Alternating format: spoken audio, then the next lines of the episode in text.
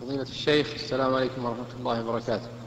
عليكم السلام ورحمة الله وبركاته. امرأة عليها قضاء من رمضان وصامت أيام وهي في شك هل هي أكملت الأيام التي أفطرت أو ما أكملت.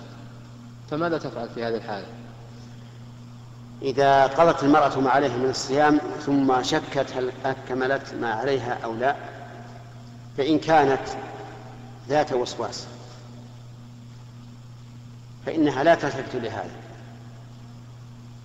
وقد انتهى القضاء ولا ولا حاجة إلى الرجوع إليه.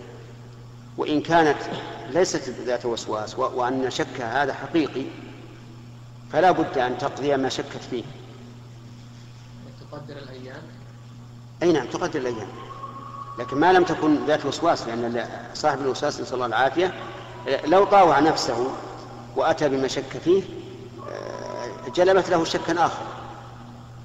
نعم